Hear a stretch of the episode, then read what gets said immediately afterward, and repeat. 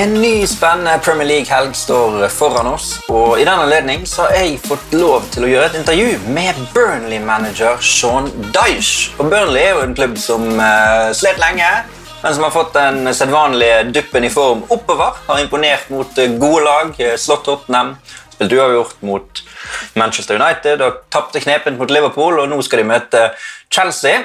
Så jeg benyttet anledningen til å ta en prat med Daish om Burnley. Hva er egentlig Burnley, hvor stolt er han av den jobben han har gjort der? og uh, Hvor mye kan han bruke av seg sjøl og sin egen karriere i, i, managerjobben? Han er jo den uh, manageren i Premier League som har sittet uh, lengst, soleklart. så um, disse tingene kommer vi inn på i dette intervjuet, og så håper jeg dere koser dere med Premier League-runden og koser dere med Sean Dyche. I would just like to start uh, with yourself and the position you're in now. You, you're sitting here, you're the Premier League's longest serving manager, nearing 10 years in the job. Um, when you first got into coaching, I think it was at the under 18s at Watford 15 years ago. Did you ever see yourself in the position you're in now? Um, not so much necessarily, you know, thinking that you'd have the number of years in the Premier League, but I, I, I thought I was on a learning curve to become a manager one day.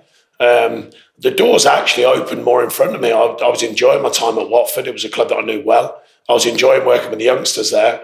Um, and the doors just started opening in front of me um, at the right time, really. I had a, a couple of years being like a under 18s coach, then a development coach, then I went in as assistant manager, and then got the manager's job. So it was quite a nice kind of learning curve and progression. Um, had a good year there uh, before the ownership changed, and then came to Burnley. And, and really, if I'm if I'm truthful, I didn't come to Burnley. I thought we could improve Burnley. I thought we could rub off on it uh, on the pitch and maybe off the pitch as well. Um, but to be, it would have been lies to say that I thought we could bring it to where it is now because that's an ongoing basis. You know, when you when I got here, we were cutting money off the wage bill, we were cutting the squad and losing some very good players. My first season, there we brought in three free transfers. You know, we brought in five million pounds and cut three million off the wage bill and bought in three free transfers and got promoted. So that was a massive occasion for the club.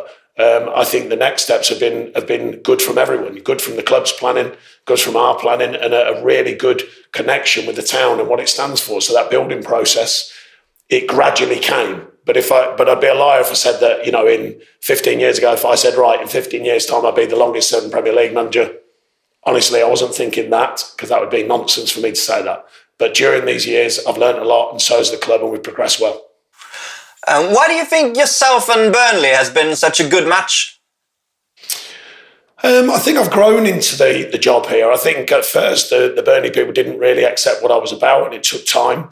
Um, and then after the, the, sort of first eight months or so, there was a real connection that was built, and, uh, and I think it's, it's never broken since then. You know, I think the, play, the, the fans began to trust me, the players trusted me, and I had a lot of trust in them as well, uh, and the fans for that matter, their support.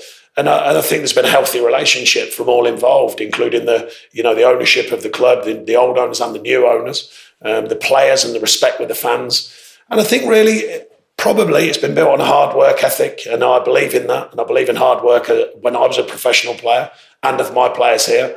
You know, the, the north of England has had some tough years, and Burnley has, and I think they respect the fact that I always said the minimum they'd get is a team that puts sweat on the shirt. They'll give everything for the fans, and I, I think we've we've earned the right and proved that over many seasons, and I think the fans respect that. Yeah, you mentioned in your playing days there, you during your career you won promotion four times. You were part of that Chesterfield adventure that took you to the FA Cup semis. Um, how do you think those experiences from your own career have influenced the, the managers you are today? Yeah, I think there's been a number of things, um, a number of factors. I remember working under John Duncan and Kevin Randall at Chesterfield and learning a lot from them. Um, they made a team that I thought was just all right into a very strong side, and um, some very good players left that side for, for quite large sums of money at that time. Um, had other promotions with a highly talented team at uh, Millwall. Thought it was an incredibly talented side with some young up and coming players. Um, a promotion at Bristol, which was different. There were some very mature players there and very good players. Um, and then towards the end of my career, promotion at Northampton, which meant a lot because it was my hometown at that time. So, you know, and, and you, all of it rubs off on you. All of it, all the coaches, the, the ways that you played, different styles, different formats, different players. So I think you're, you're always absorbing some of these things naturally. And then there's other things that actually you think about, you know, when they occur. And I think I had a mixture of things. Some I was absorbing naturally, the culture of a, a winning side and, a, and promotion teams at different clubs and how that culture was right. You're almost subliminally observing that and taking it in. And then there's some key factors as well, some key reasons why you thought, no, that specifically happened because of this or that. And I think you keep their mental notes and then you add in your own feel, of course, when you get the chance to be a manager. Yeah. Could you use aspects from your own career, like uh, for motivating of players? Could you say, like, I played for a third level league team. I scored a goal in the semi final at Old Trafford. Is that possible to, to use in motivate, motivating your players? No, I don't use my own career. I use some of the um, stories from my career and varying uh, aspects of what happened and what occurred. Um, but but generally, I, I, just go on about the team that I've got, the belief I have in them. You know, not about my my history. Um, sometimes talk about my coaches. I've got coaches here who, who played at very high level. Ian Woan played in the Premier League for years, and Steve Stone obviously did and played for England and had moves. You know, they've got a, a life experience of football and a coaching experience. Uh, mine in a different way. And sometimes the one, the one thing that I learned, you know, is for four promotions, four different clubs, all of them teams that got promoted work very hard. That's what people sometimes forget. You know, it's not just talent. You need talent, of course you do. But the one thing was for sure and clear in my mind, and which I do instill in the players, and I was a good pro, so I, I will hold my hands up for that. I tell them, I said, look, I used to look after myself. Um, I was a fit player, even though I was quite a big lad in the centre half. I was always fit. Um, and I've always believed in that and it's always given a base to work from. So that is one definite. You know, the players have to be fit, mentally and physically fit, and clear minded. So I think, and the balance of all these situations give me that a, as a manager. You know, I, I, don't get particularly too high with the highs, I don't get too low with the lows. I try and look at the facts and the stats and observe what the team needs rather than getting too emotional about it. Yeah.